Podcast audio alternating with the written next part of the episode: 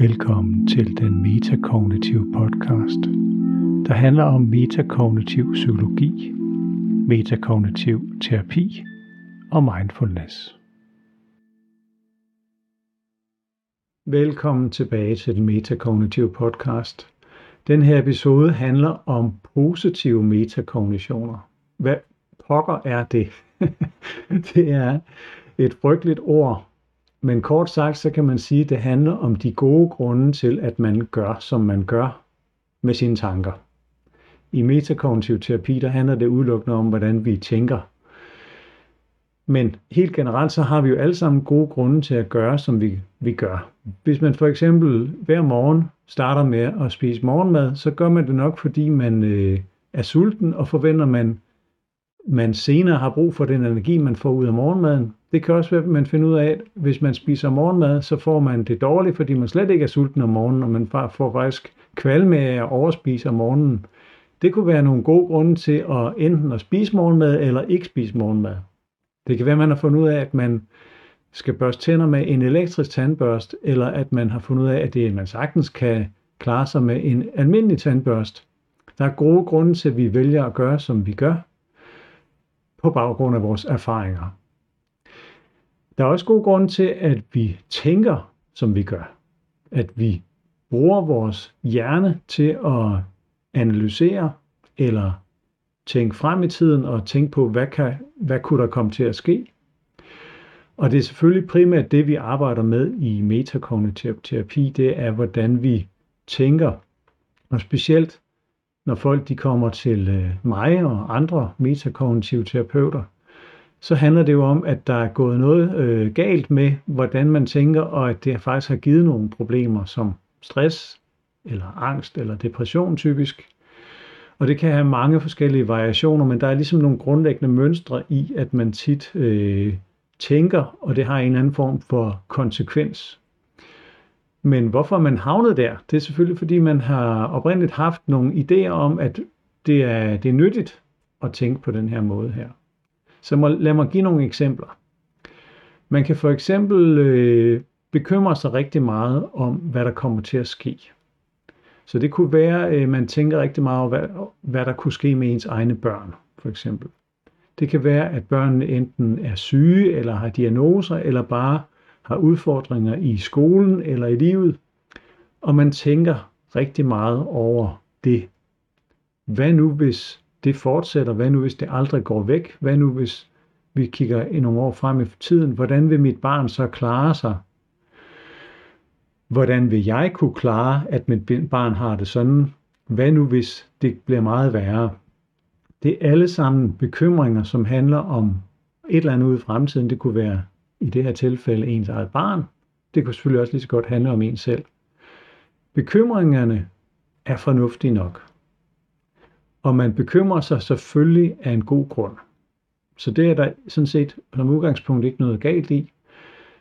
Så den positive metakognition her, den positive overbevisning om, at det er nyttigt at bekymre sig, er selvfølgelig, at man forventer på en eller anden måde, at øh, måske, at hvis jeg bekymrer mig, så kan jeg undgå, at det går så galt. Det kunne være en, en overbevisning, som gør, at jeg, jeg, jeg bliver ved med at bekymre mig, fordi jeg regner med, at det hjælper mig til at forberede mig på den her fremtid, der kunne ske. Det er en typisk positiv metakognition. Jeg forventer, at det er nyttigt, at jeg bekymrer mig. I terapien, så vil vi så ikke nødvendigvis sige, at bare hold op med at bekymre dig, det skal du aldrig tænke på, og det ville være fuldstændig vanvittigt at fortælle nogen det. Øh, jeg bekymrer mig da rigtig meget. Øh, det er helt naturligt, at vi gør det. Men vi skal se på, om det er nødvendigt at bekymre sig så meget, altså bekymre sig hele tiden, hvad der egentlig kommer ud af det. For tit så vil man så opdage, når man sådan går lidt i meta-mode og, og ser på, jamen når jeg nu bekymrer mig om morgenen, om formiddagen til frokost, om eftermiddagen, jeg bekymrer mig om aftenen, jeg bekymrer mig der ind, når jeg skal falde i søvn om aftenen, jeg vågner og bekymrer mig, og så kører det igen forfra næste dag. Jamen er der noget tidspunkt, hvor man nærmest ikke bekymrer sig? Nej. Okay, hvad hjælper det så at bekymre sig hele tiden, for eksempel? Jamen, det gør faktisk, at jeg får det dårligt, fordi jeg jo lever mig ind i, hvad der kommer til at ske. Så den positive overbevisning om, at det er nyttigt at bekymre mig, er, gør måske, at jeg bliver ved med at gøre det hele tiden. Og det er faktisk det, der gør, at jeg måske får angst, eller at jeg bliver deprimeret, trist og modløs. Det samme kunne man sige om noget i fortiden. En positiv overbevisning om, at jeg skal hele tiden tænke på et eller andet, der er sket i, i min fortid. Det kunne være, at jeg ikke kan rigtig kan forstå, hvorfor mine kolleger ikke kan lide mig, for eksempel. Og så for, for at forstå det, så tænker jeg tilbage på nogle af de ting, der er sket tidligere. En eller anden diskussion, vi har haft i kantinen, eller en konflikt, vi har haft tidligere. Og jeg tænker tilbage, jamen, hvad var det egentlig, der blev sagt? Hvad sagde jeg? Hvad sagde de andre? Hvordan var det, de opfattede? Har jeg virkelig forstået situationen rigtigt? Og den her måde at tænke tilbage i tid på, kalder vi typisk for grublerier. Altså at man ligesom henter fortiden frem og tænker over det. Og igen, vi skal da lære vores fejl. Der er ikke noget galt i at, at spekulere over, kan vide, om jeg kunne have gjort noget anderledes. Igen, så kan være den, den overbevisning, der gør, at jeg gør det rigtig meget, være, at jeg ender egentlig med at finde frem til at forstå min fortid. Så hvis jeg bliver ved med at tænke over specielt, hvad der skete for et halvt år siden i kantinen, bliver ved med at tænke over det, og bliver ved med at tænke over det, og bliver ved med at tænke, så forventer jeg jo, når jeg bliver ved, at jeg på et tidspunkt forstår, aha, nu ved jeg præcis, hvad de andre mener om mig. Nu ved jeg, hvad jeg skal mene om dem. Nu ved jeg måske et eller andet, jeg kan bruge i fremtiden. Så jeg forventer egentlig, at der, der kommer noget godt ud af det af den her grublen. Men den her positive overbevisning, den her metakognition, om at det er nyttigt og blive ved med at gruble over fortiden, viser sig måske faktisk at have gjort, at man er deprimeret, fordi man har sådan set grublet og grublet og grublet og grublet i et halvt år over noget. Hvis man spurgte de samme mennesker, der var til stede i kantinen den dag, så ville de sige, nå gud, det har jeg fuldstændig glemt men man har selv brugt et halvt år på at gruble over det, og imens fået det dårligere og dårligere ofte. Det vil igen typisk være det, man, man kommer i terapi for, det er, at, at man har det skidt på en eller anden måde. Og i metakognitiv terapi, der vil se, vi vil se på, om det er tænkningen, der bidrager til, at man får det skidt. At man får mange triste følelser ud af det. Så som udgangspunkt, så er der jo ikke noget galt i at, at tænke. Der er ikke noget galt i at tænke negative tanker. Det er kun et spørgsmål om, at vi ikke skal gøre det hele tiden. Men tit, det der snyder en er, at man oplever det faktisk som om, man ikke kan lade være. Og det er de positive opvisninger, det er de her positive metakognitioner, der på en måde snyder en selv. Man snyder sig til at sige, jamen jeg kan jo ikke lade være, og det er, det er jo nyttigt. Så vi arbejder jo også nogle gange, eller rigtig tit faktisk, i metakognitiv terapi med, at, jamen, når, hvis du siger, at du ikke kan lade være med de her tanker her, hvordan, øh, hvordan foregår din, din måde at tænke på? Jamen, de her tanker, de er der bare. Og så kan man tage fat i de her, det hedder negative metakognition, altså det, at man, man virkelig oplever, at jeg kan ikke lade være. Så det, kan, det er en helt afdeling for sig, det arbejder vi også rigtig meget med. Men nogle gange så bliver man faktisk snydt af de her positive øh, metakognitioner, fordi det virker som om, at man ikke kan levere. Men i, bagved det, der ligger der en eller anden strategi, som man vælger helt med vilje, fordi man regner med, at der kommer noget godt ud af det. Når man har stress, så vil man typisk være i en eller anden form for belastet periode, altså et pres, der kommer udefra eller i en eller andens, en, en, ens liv. Og for ligesom at øh, ruste sig til den belastning og det pres, så forsøger man at løse de problemer, man nu er i. Det kunne helt konkret være, at man for eksempel står over for, at der er nedskæringer på, på arbejdspladsen, og så, så tænker man, åh nej, bare det ikke bliver mig, og jeg må også hellere øh, sørge for, at jeg yder mit bedste på arbejde. Men hvordan kan jeg, hvad, hvad nu, hvad, hvad skete der i går? Yder jeg mit bedste der? Hvad tænker chefen om mig nu? Er jeg nu i kridthuset, eller er jeg på vej ud til at blive fyret? Og hvad sker der hvis jeg bliver fyret, åh oh, nej, så bliver jeg, så kan jeg jo ikke få løn, og så, så mister jeg også min, øh, min gode indtægt, og så skal jeg til at finde et nyt job, og hvad vil, vil min familie ikke sige? Alle de her mange tanker er jo helt naturlige. Det er jo nogen, der opstår, hvis man er i en belastet situation, men de kan faktisk ende med at give stress, fordi man bliver ved med at tænke dem igen og igen og igen. Det er det, som jeg plejer at kalde hamsterhjulet, at man bliver ved med at tænke de samme tanker igen og igen og igen. Og det gør man jo, fordi man har positiv metakognition. Man har forventning om, at jeg kan tænke mig ud af det her problem. Så hvis jeg bare bliver ved med at tænke over, at jeg skal undgå at blive fyret, og jeg skal bare sørge for, at jeg forbereder mig på i morgen. De positive overbevisninger, man vil have i sådan en, en sammenhæng, vil typisk være noget med, at øh, jamen, jeg skal jo, jeg skal da forberede mig på min fremtid. Jeg, jeg skal da tænke på, hvordan jeg bliver bedst, jeg bedst udfører mit arbejde. Jeg skal da forberede mig på, hvad, hvad min chef vil sige om, om i næste uge eller i næste måned. Og jeg skal da tænke på, at jeg ikke bliver fyret. Så igen, ja, selvfølgelig skal man det, men skal man gøre det hele tiden?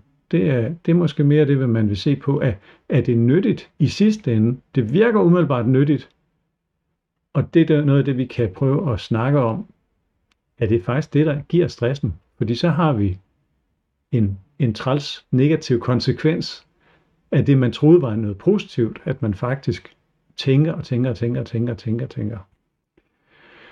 Så de positive øh, metakognitioner er på en måde den lille fortælling, man giver til sig selv, om at man, man gør noget fornuftigt med sine tanker. Og al metakognitiv terapi handler om at forstå hinanden, at jeg som metakognitiv terapeut spørger jamen hvad er det egentlig, der foregår? Hvad sker der med dine tanker? Hvad, hvad tænker du på, og hvornår, og hvor meget? Så der sker en eller anden form for øh, analyse i fællesskab, hvor vi forstår, hvordan mekanismerne er, og vi forstår, hvordan klienten tænker. Og så sker der jo, når man er klient, så begynder man at, at se på det på en lidt anden måde, og forstå, når jeg, nu kan jeg da egentlig godt se, at jeg bruger for eksempel hele min dag på at bekymre mig, eller jeg bruger, eller jeg har brugt et år på at gruble over et eller andet, der skete for et år siden. Og det er jo faktisk en bevidstgørelse, at man, man tit har fået nogle vaner. Og rigtig mange vaner, nu snakker vi om, om morgenmad i starten, det kan jo være, at man har fået en vane med, at man spiser en bestemt morgenmad til morgenmad. Og det har man bare gjort i mange, mange, mange år og man tænker til sidst ikke længere over, at man gør, som man gør, indtil der en dag kommer en, en der kommer og siger, men du kan også spise noget andet til morgen, men det er faktisk sundere, eller billigere, eller noget andet, og så gør man det i stedet for. Og det er jo også en simpel form for bevidstgørelse, et andet perspektiv. Nå ja, det kunne jeg da egentlig også gøre. Og på den måde, der kan man jo i mange sammenhænge opleve, at bare ved få simple ting, så bliver man pludselig klar over, hvad man gør, og at der er alternativer. Så den bevidstgørelse af, der er alternativer til, hvordan jeg tænker, er faktisk tit det, som øh, metakognitiv terapi starter med. Jamen, lad os se på, hvordan du tænker nu. Lad os se på, hvad det betyder. Og virker det for dig? De her positive overbevisninger, du har om, at du gør, som du gør, virker det? Og så vil man nok finde ud af, at nogle af dem, af de her tankestrategier, den her måde, man tænker på, i sidste ende, så bidrager de måske faktisk til at gøre problemerne større. Så hvis man bekymrer sig hele tiden om noget, der kan ske, så kan man i nogle tilfælde faktisk opleve en form for nervøsitet, uro og endda angst over noget, der sker i fremtiden. Også selvom det ikke er sket endnu, og selvom det måske aldrig kommer til at ske. Så den her øh, tænkning på fremtiden, som man gør rigtig meget og meget intenst, påvirker faktisk ens krop og nervesystem. Det kan det gøre til, at man faktisk oplever angst. Og det positive øh, metakognition, den overvisning om, at det er nødvendigt, ender faktisk med at bidrage til, at man øh, føler angst, fordi kroppen følger med, og man gør det hele tiden. Og ved at se på, jamen, øh, er det en del af din angst? at du tænker på det hele tiden, så vil man kunne sige, Nå, men det, hvis, kan jeg begynde at ændre på det? Men det skal man jo selvfølgelig være overbevist om, at det, det måske er, er noget, der kunne hjælpe. Hvis man tænker rigtig meget over noget, der er sket i fortiden, og grubler og virkelig forsøger at forstå, og sidder med en, en trist, måske endda depressiv tilstand nu, over at ens hjerne simpelthen er på overarbejde på at samle op på noget, der er sket i fortiden. Og samtidig måske jeg så på overarbejde med, oh, jeg, hvordan kommer jeg ud af den depression? Er jeg ved at blive rigtig skør? Nogle af de her tanker om sig selv og hvad der sker, kan man også have rigtig meget. Igen, ud fra en positiv overbevisning om, at jeg skal da forstå mig selv. Jeg skal reflektere over, hvor jeg, hvorfor jeg er, er endt her.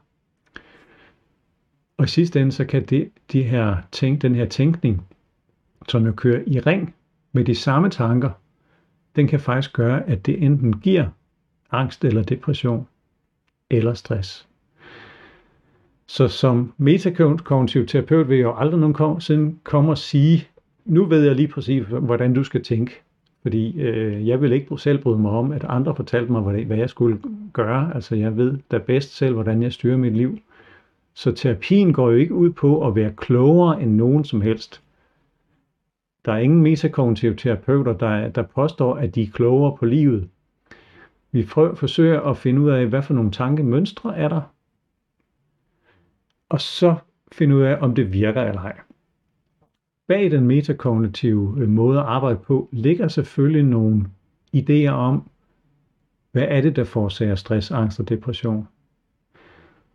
Og tit så vil det være den her øh, meget massive tænkning, der gør det. Enten fordi man ikke kan lade være, eller fordi man simpelthen bruger de her positive overbevisninger om, det skal jeg da gøre. Fordi, hvad ville ellers ske, hvis jeg ikke gjorde det? Og det, det er ofte nyttigt at se på dem, og det vil ofte være en del af den her måde, den bevidstgørelse, der finder sted, når man tager nogle gode eksempler. Jamen, hvad sker der i den situation, den situation, den situation? Hvad vil der se, ske, hvis du gør noget andet? Tit så vil man som klient opleve, okay, enten fordi man, man tænker over det, eller fordi man, man faktisk går ud og prøver det. Så man opdager, hov, det gjorde faktisk mit liv nemmere. Og det er selvfølgelig i sidste ende det, der og alle vores overbevisninger stammer fra erfaringer.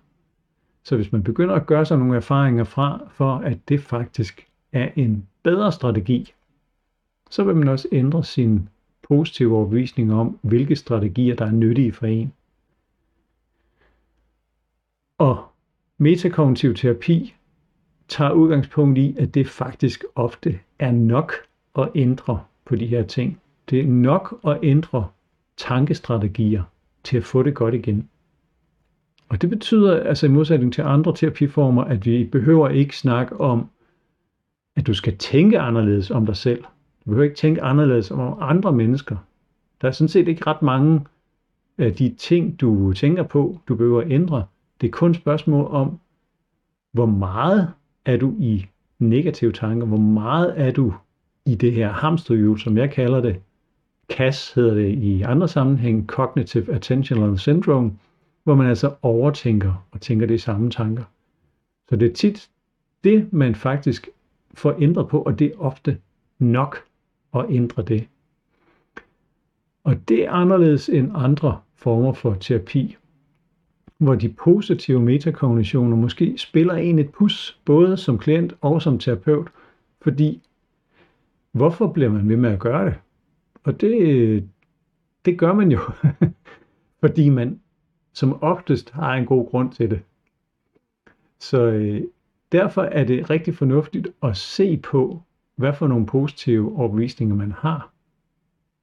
Nogle, nogle af dem er jo fine, og nogle af dem viser sig, når man bliver mere bevidst om sine tankeprocesser, faktisk at gøre tingene værre. Og det er udgang, udgangspunktet for at arbejde med metakognitive øh, tankeprocesser og de positive metakognitioner, når vi arbejder med metakognitiv terapi. Jeg håber, at den her gennemgang af, hvad positive metakognitioner er, altså de overbevisninger, der gør, at vi vælger vores tankestrategier. Jeg håber, det var nyttigt at høre om, hvad det egentlig er. Måske for dig selv, måske arbejder du med andre. Så overvej, hvad er fordelene og ulemperne ved de tankestrategier, du har. Tak fordi du lyttede med. Du lytter til den metakognitive podcast. Husk at dele med andre, der kunne være interesserede i at høre om metakognitiv psykologi, terapi og mindfulness.